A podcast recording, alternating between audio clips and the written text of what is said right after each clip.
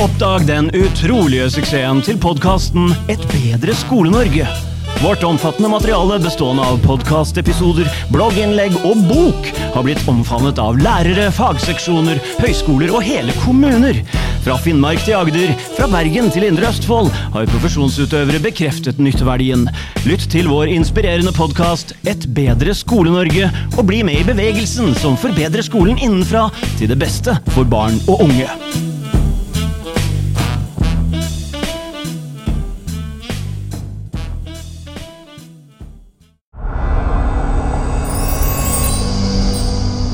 Bedre Skole-Norge. Skole-Norge. Velkommen til Et bedre Skole-Norge. I dag så er vi på besøk i Finland, og det her har jeg gleda meg til kjempelenge. Vi skal utforske hvordan det finske skolesystemet er, og vi skal også snakke om hva, hva som kjennetegner den typiske finske læreren.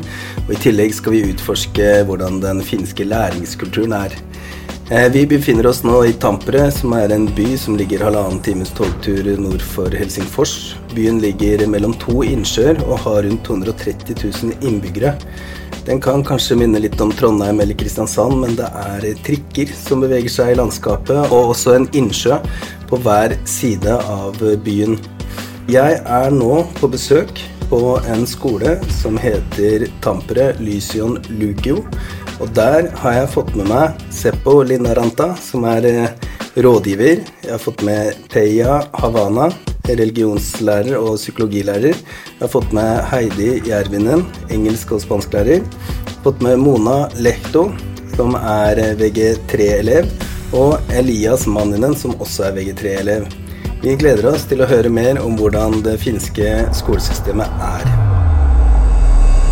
Et bedre Skole-Norge. Skole-Norge. So, just to, to get an impression of how how the educational system is built up, uh, I guess um, I'm talking mostly to upper high school uh, teachers and principals right now. So, uh, could you please just uh, just uh, tell me how it's uh, built up, like the system?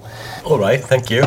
Uh, so basically, in Finland, we have this uh, nine-year uh, secondary schooling, the primary years, and then the sec- secondary years, and after that, there's the uh, choice that the student has to make whether uh, he or she goes to the vocational education or for the more academic upper secondary education, the suppose gymnasium would be the word in, in Norwegian maybe. And this is where we are now at. And this is a three to four year uh, program. So there's some flexibility uh, for the uh, student to decide the pace of his or her studies. And uh, the students are studying in, uh, uh, they're studying like study points. It's a 150 study point program, and depending on how fast and how the student uh, compi- compiles the points, uh, it, it becomes ready. And there's quite a bit of flexibility also in terms of uh, different subjects and emphasis the students uh, may choose. For example, it could be sciences, mathematics, uh, or it could be foreign languages, uh, more like social sciences subjects, or even arts, music, uh, that sort of subjects. But um, some some of the units, of course, are are uh, shared with everybody. So there's the common core, but then there's the uh, flexibility and choice that the student has. And after the program, after the upper secondary education, there's the matriculation examination, uh, the first real uh, national uh, testing of the the whole uh, age group, and that basically is the, the, the gateway to the university and or higher education studies. So once you take the matriculation examination, that gives you the eligibility to go for higher education studies, and also uh, you may be getting the the study place uh, based based on the, the score you you scored in the matriculation examination. And just to try to get an understanding, it's like uh, school is, I, I would guess it's mandatory for the first 10 years or something, and then this gymnasium, you, you don't have to attend, or is it, uh, uh, or do you have to take the gymnasium as well? Yes, the student, uh, the young uh, kids, kids, they start their school when they are seven years old, and the compulsory uh, learning uh, takes uh, nine years. And after that, the students can choose whether they continue the vocational institutions or gymnas- gymnasium, this upper le- level sec- uh, secondary uh, education. So this um, uh, school that we are at the moment, this is not uh, this is not uh, compulsory for the students in a way, but they have like the they can have like a, a vocational option Mm. also. Yes, in fact, it is compulsory for everyone to study until they are 18 Yes, years yes. old.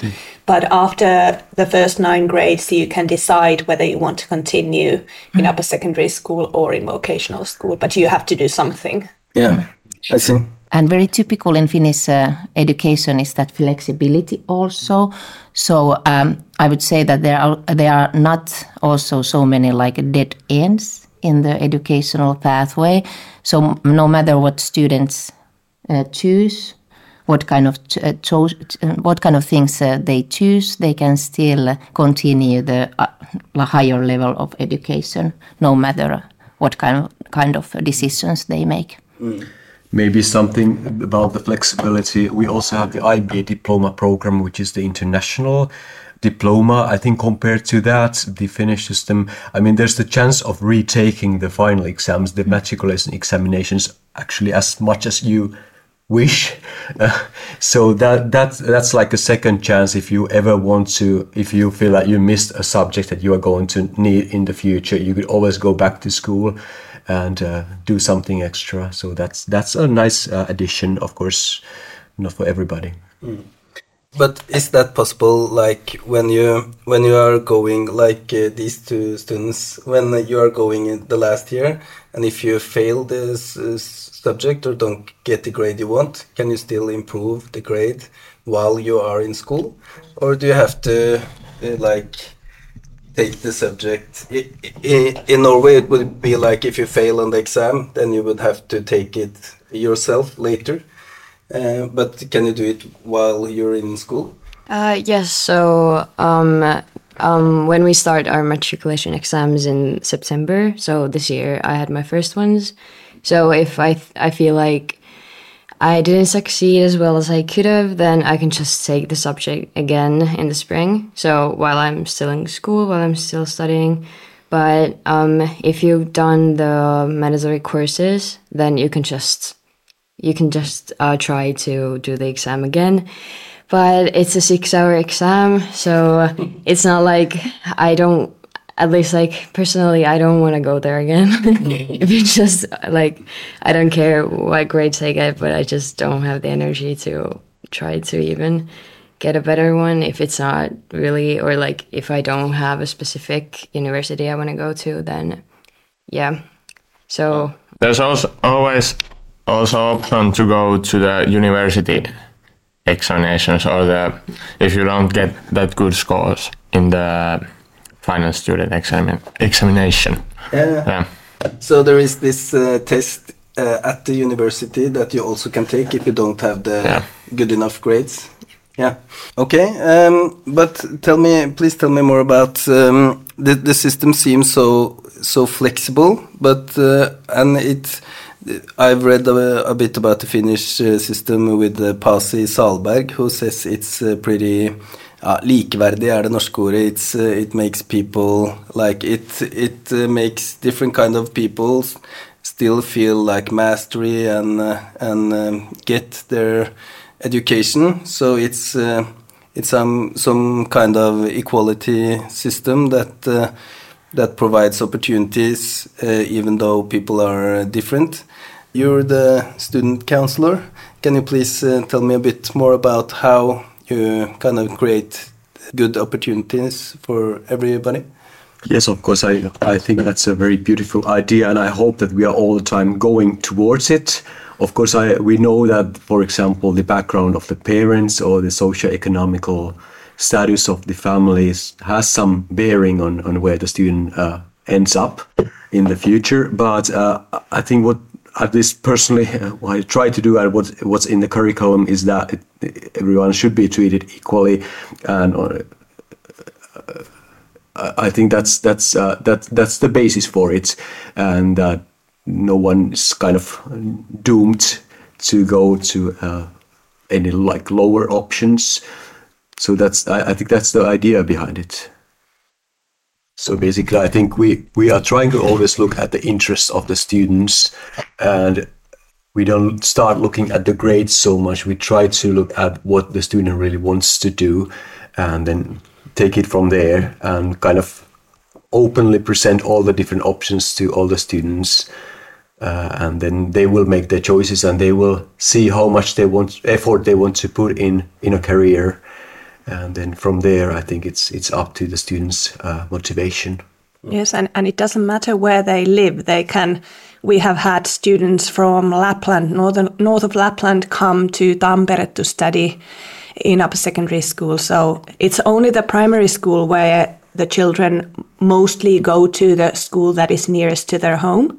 But when it comes to upper secondary school, they are free to go to or apply to any high school or any upper secondary school in the whole of Finland. I'm also wondering about the school year. Could could you please uh, tell me how the school year is uh, structured for? Because when I came here, uh, everybody told me it's test week, so that seems like a big thing. That uh, it's test week now, so everybody is a bit more, uh, yeah, Yeah. focused. Yeah. And I in Norway we don't have test week. We have uh, sometimes we have like the similar to exams we call it 10 times that uh, you, have to practice but um, here you also have this i, I understood you, you have some uh, cycle that it's six weeks teaching then testing or, or so, something similar Yeah, um, I'm not exactly sure of the amount of weeks, but it's um. So in upper secondary school, it's um kind of like fractioned in five periods. So um, each school year is uh, made of the six weeks and then the test week.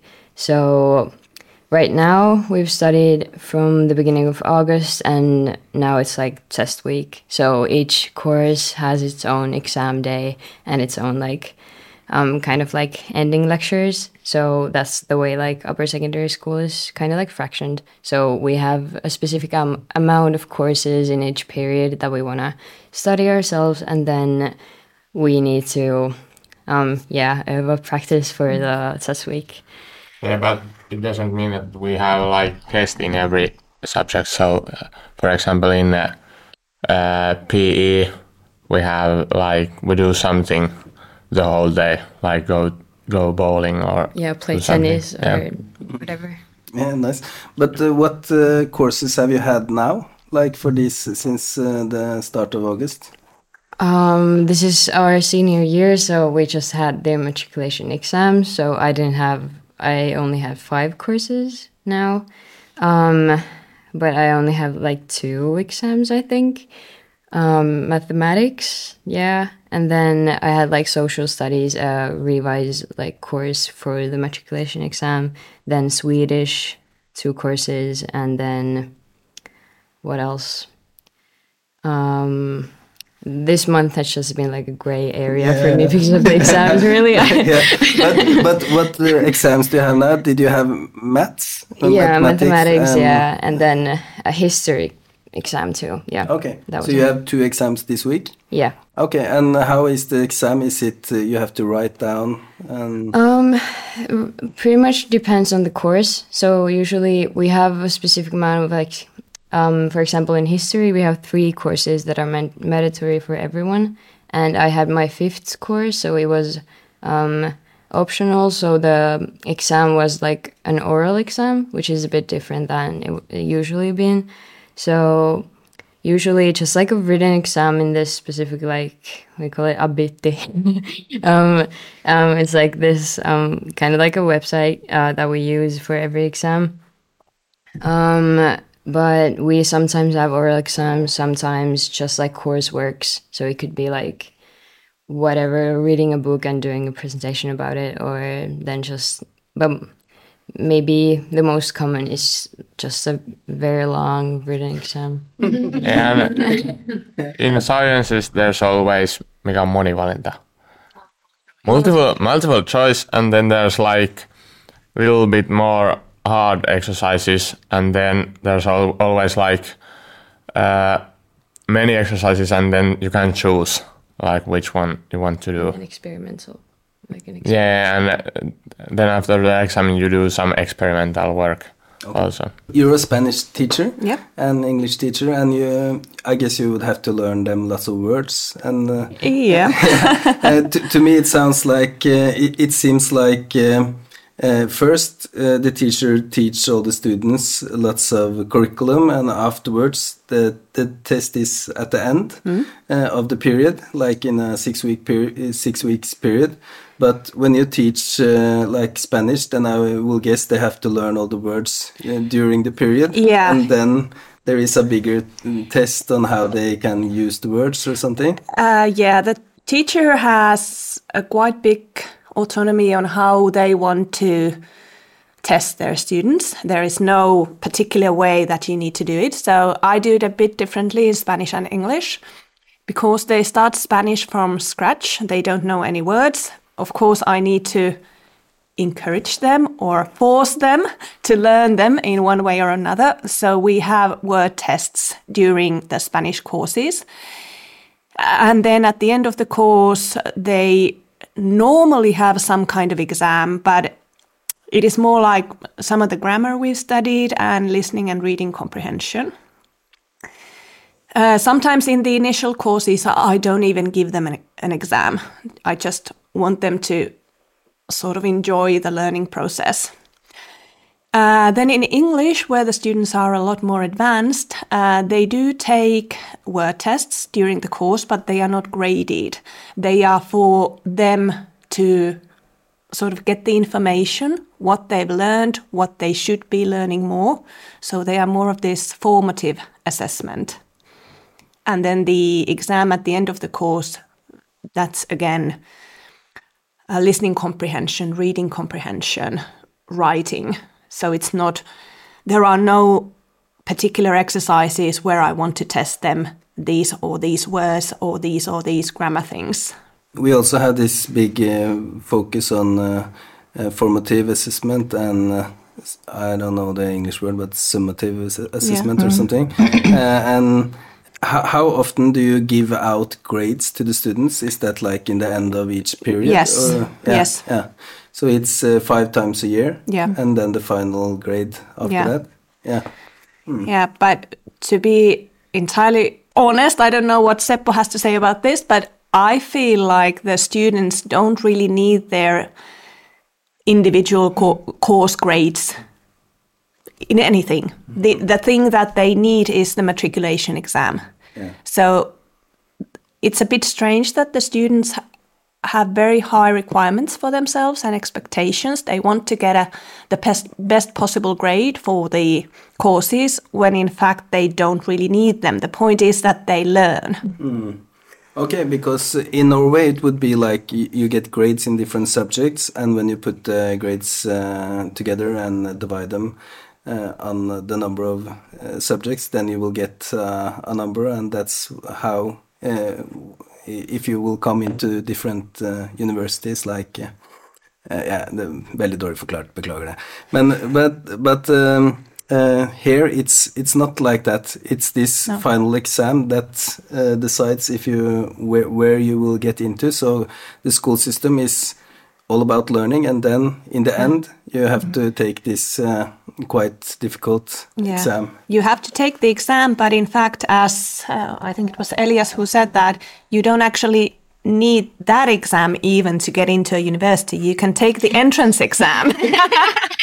so, well, Yeah, I think it's like um, a mental game uh, where the students, uh, we tell them from the beginning that actually these grades that you are getting from your coursework in the uh, upper secondary school, they only are means matter to you if you are applying to the vocational education after the upper secondary school, which is uh, a choice only for a handful of students.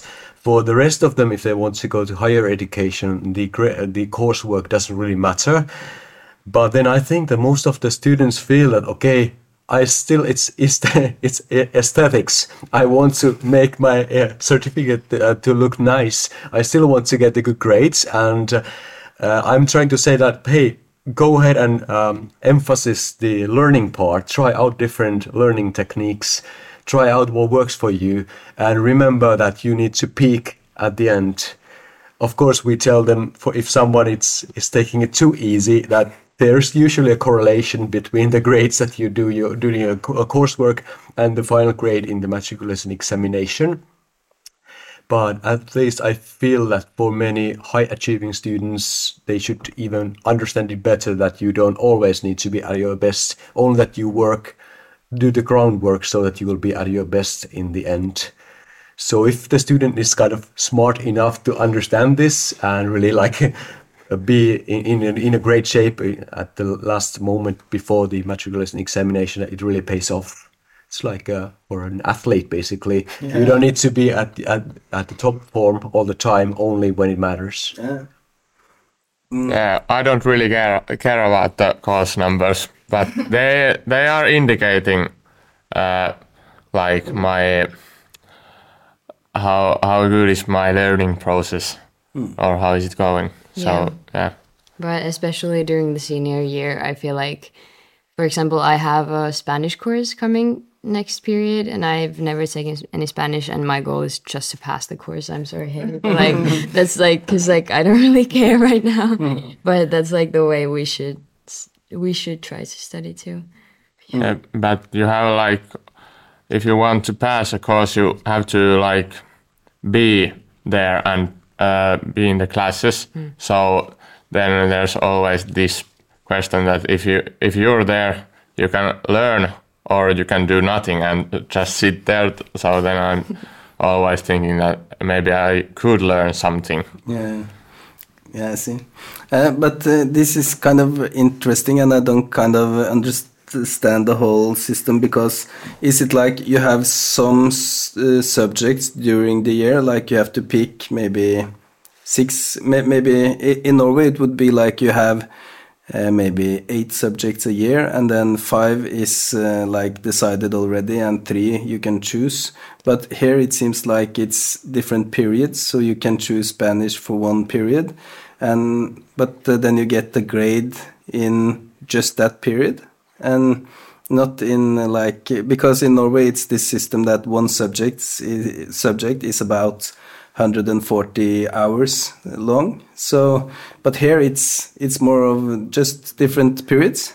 Is it like that? The subjects are made up of different study units, and in the end of the studies, the uh, like the, the final grade of each su- subject it's, is made up, up of all the study units that have been studied, and basically it's the arithmetic mean of those study units.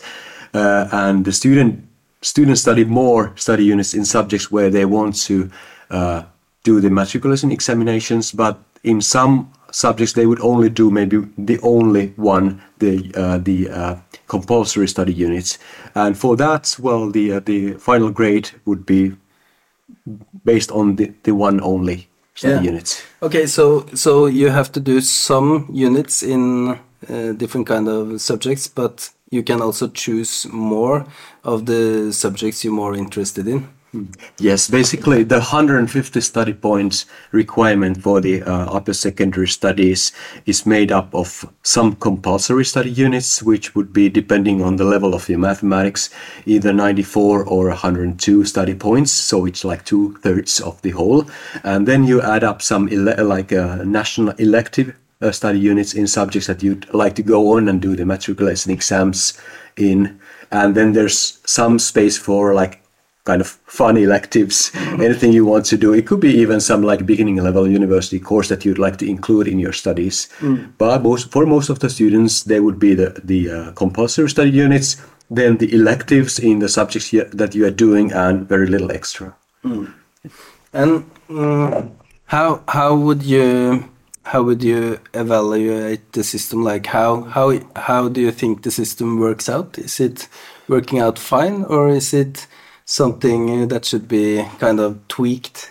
Yeah, um, I mean, right now when I just started the matriculation exams, I feel like now I really understand how the system works. And in my opinion, it's not like the best possible way to kind of go through the secondary school because um, when you only try to study for the subjects that you do the matriculation exams, it means that you don't care at all about the other subjects, and upper secondary school should be like um, just enhancing like general knowledge, and that's the whole idea that's the upper secondary school is based on.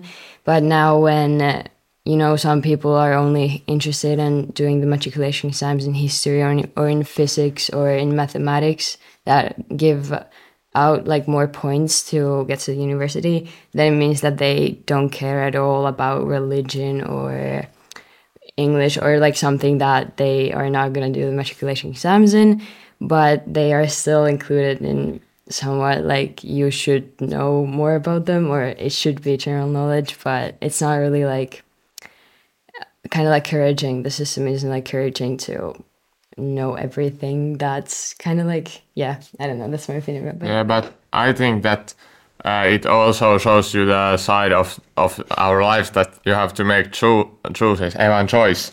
Yeah, and if you want to succeed in some uh, some things that you like to do, you have to like uh, prioritize time and do those things, and then yeah, you have have to make some compromises, and yeah. Yeah, we touched quickly the idea of of the before we started this we were just talking uh, um, the idea that actually the matriculation examinations are guiding very strongly the way that is actually being taught in the high school or in upper secondary school even though we have a curriculum that i feel is way more holistic. So that there's the struggle of the it kind of leaves it on the students to be to take a responsibility to study everything and then as Elia said I, I mean it's also wise to prioritize when you know you have limited time in your life I agree with Mona uh, when she says that you only concentrate on the subjects that you are doing the matriculation exam in. Uh, and this has been quite a recent change when the the election process for the for universities changed like four years ago or something.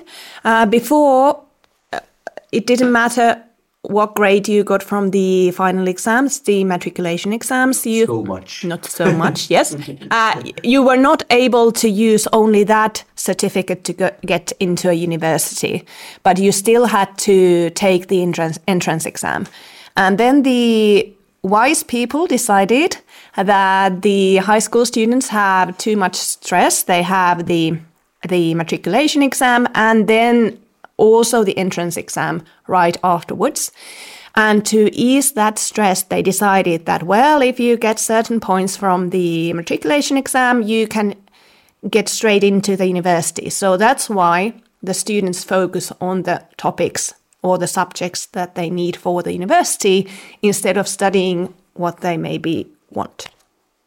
It seems like this happens all over, like uh, also in Norway, that you always get this the, the grading process and the, creates this extrinsic, extrinsic motivation that you have to do something to get into the next level or something. So the school kind of turns into the into this game that you just have to do the right stuff.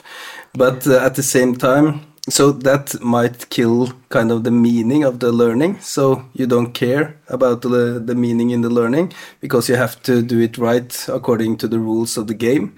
But it's always this what um, what would be, be better? It's it's difficult to find uh, the perfect solution because if you don't have to if you don't need that uh, final exam maybe you could just have the test at the upper university and if you don't if you just need that test why why would you even need school uh, before? Maybe you could just skip school and just take the test immediately yeah i was wondering uh, and i think because there's always going to be the competition for the most sought after study st fields of study and programs in the university and before this system uh, existed and there was only the, the entrance exam and some meaning for the final exam, uh, final matriculation grades. There was quite a lot of uh, business around the preparatory courses for the university exams. so at some point, there's going to be the competition, and at some point, you're going to have to fight each other in in a sense. So I, I think there's also that. Yeah, I, I don't know if this word uh, works in English, but I talked to this scientist that said that school is meritocratic. Like it's it's supposed to work in a way that if you work harder and get better results, you, you will get something out, out of it later. So that's like uh, how school is designed. So. Um, it can't be anyone who becomes a doctor if uh, yeah like or a nurse if you don't know the mathematics and you start handing out medications lots of things can happen so you have to be qualified in the right ways Um, ok, uh, thanks a lot. Tusen takk. Eh, Da har vi fått et eh, aldri så lite inntrykk av systemet i Finland. Det her blir jo veldig, veldig utforskende, og man må bare ta det litt som det kommer. Men jeg må si at jeg har virkelig fått et mye bedre inntrykk av hvordan det finske skolesystemet er og virker. Og tusen takk eh, til Sepo, som har organisert det her. Så det her er kjempefint. Tusen takk for at du hørte på. Vi fortsetter neste uke med et nytt skolebesøk i Finland. Et bedre Skole-Norge. Skole-Norge. Thank you.